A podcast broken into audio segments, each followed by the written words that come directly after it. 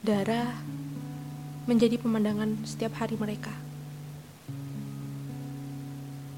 Kalau hari ini kita masih bisa berlarian karena mengejar deadline kerja, deadline kuliah, dan kehidupan dunia kita lainnya, tapi mereka berlarian untuk menyelamatkan nyawa mereka, nyawa saudara mereka, untuk menyelamatkan tanah mereka, dan menyelamatkan martabat Muslim.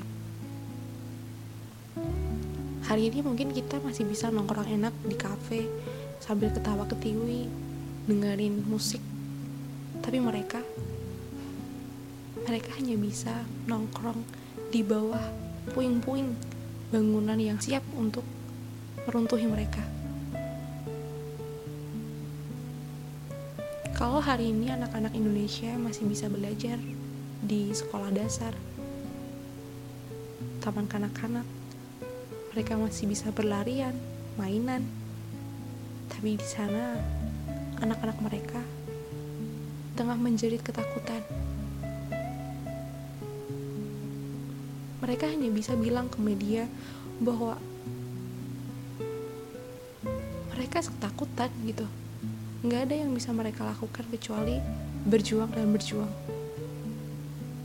Anak-anak itu yang seharusnya memiliki masa depan yang cemerlang dan berhak untuk menikmati masa anak-anaknya, tapi tidak untuk mereka. Tangisannya pecah ketika melihat kedua orang tuanya yang telah meninggal karena akibat bom atau tembakan. Anak-anak itu menangis ketika melihat kakaknya atau adik yang dia cintai mengorbankan nyawanya untuk mereka.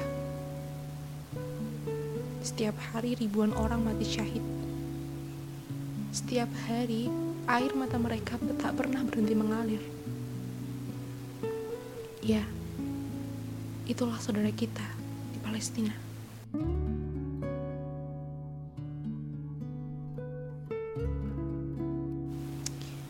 Ya, mungkin kita semua udah tahu uh, tentang konflik yang tengah terjadi di Palestina ya kan?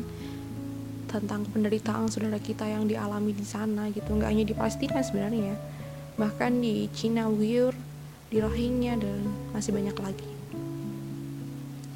Saudara kita di sana ya mereka itu tengah berjuang untuk tanah air mereka untuk martabat seorang muslim mereka sibuk untuk berpikir bagaimana caranya bersatu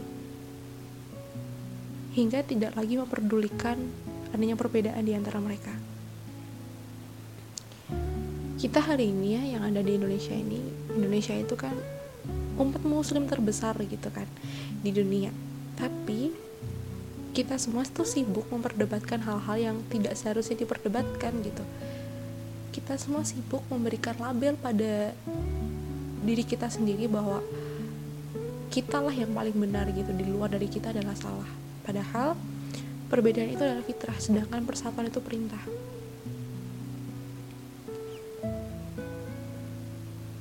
Uh, Jumat siang kemarin ya tanggal 15 November 2019 uh, kita dapat kabar kita semua ya dapat kabar bahwa ada seorang jurnalis dari Palestina yang tengah memperjuangkan kebenaran tapi dia harus rela mata kirinya itu ditembak sama militer Zionis.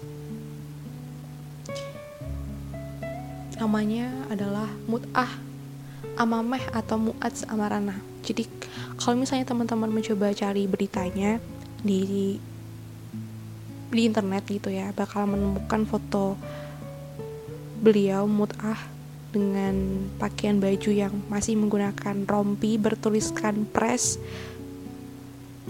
dan mata kirinya itu udah hancur berdarah.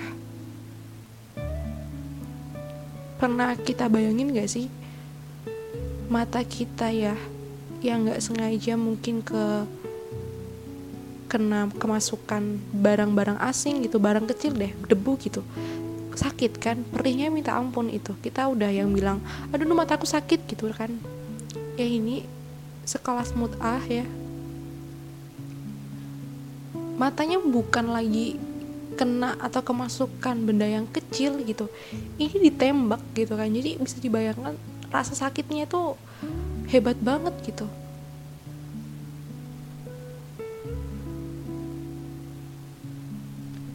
dan penembakan ini tuh terjadi di wilayah Palestina di tepi barat ya wilayah Khalil.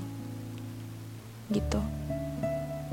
Dan mut'ah ini salah satu dari sekian banyak korban dulu udah ada ya korbannya yaitu seorang tim medis. Bahkan beberapa juga pernah ada awak media pun yang tengah menjadi korbannya. Tapi hari ini yang mau aku sampaikan ke teman-teman adalah berita dari mut'ah.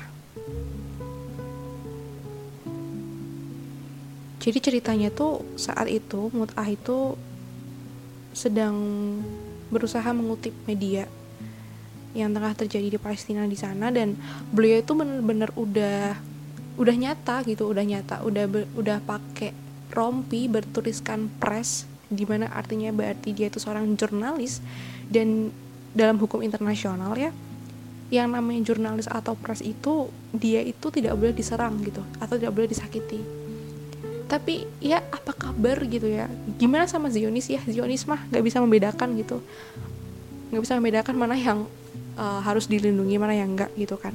Mereka brutal me membunuh siapa pun menyiksa siapa pun warga Palestina gitu. Termasuk terma termasuk yang dilindungi dalam hukum internasional yaitu tim medis tim jurnalis dan lain sebagainya gitu.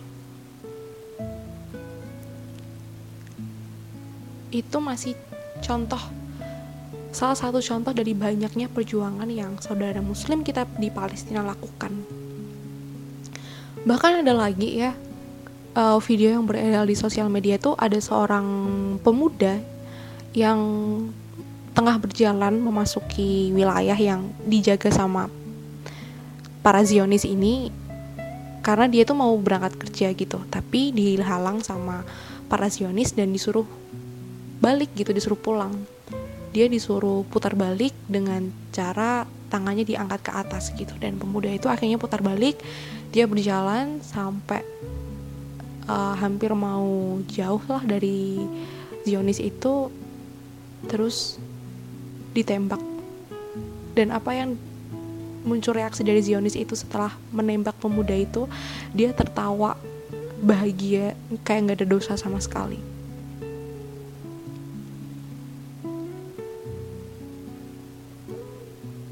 Jadi miris banget gak sih kita tuh kalau misalnya mendengar berita-berita kayak gitu gitu.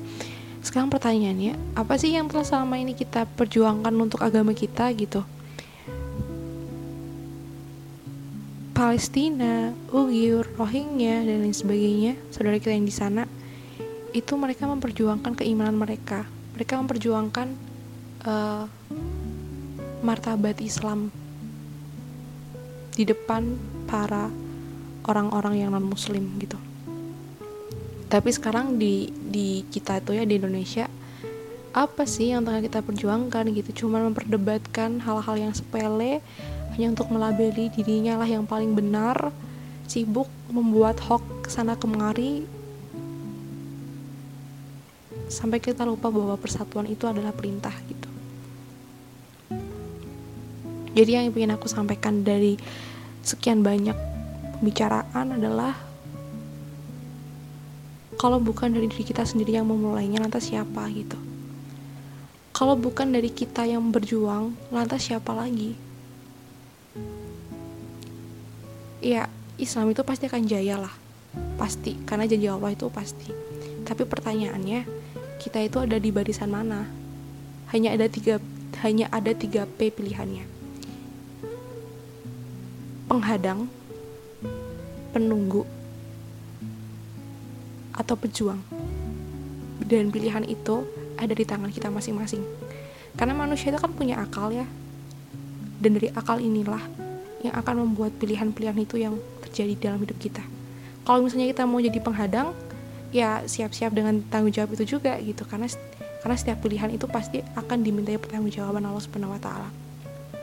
Kalau misalnya kita mau menjadi penunggu ya intinya kita nggak ada tidak ada yang namanya usaha untuk menjemput kemerdekaan Islam itu beda lagi kalau kita memilih menjadi pejuang di mana insya Allah perjuangan yang kita lakukan gak akan pernah sia-sia sekian podcast dari saya kalau misalnya ada yang kurang atau ada kata-kata yang salah, aku mohon maaf karena kebenaran itu hanya milik Allah Subhanahu wa taala. Sampai jumpa di podcast selanjutnya. Wassalamualaikum warahmatullahi wabarakatuh.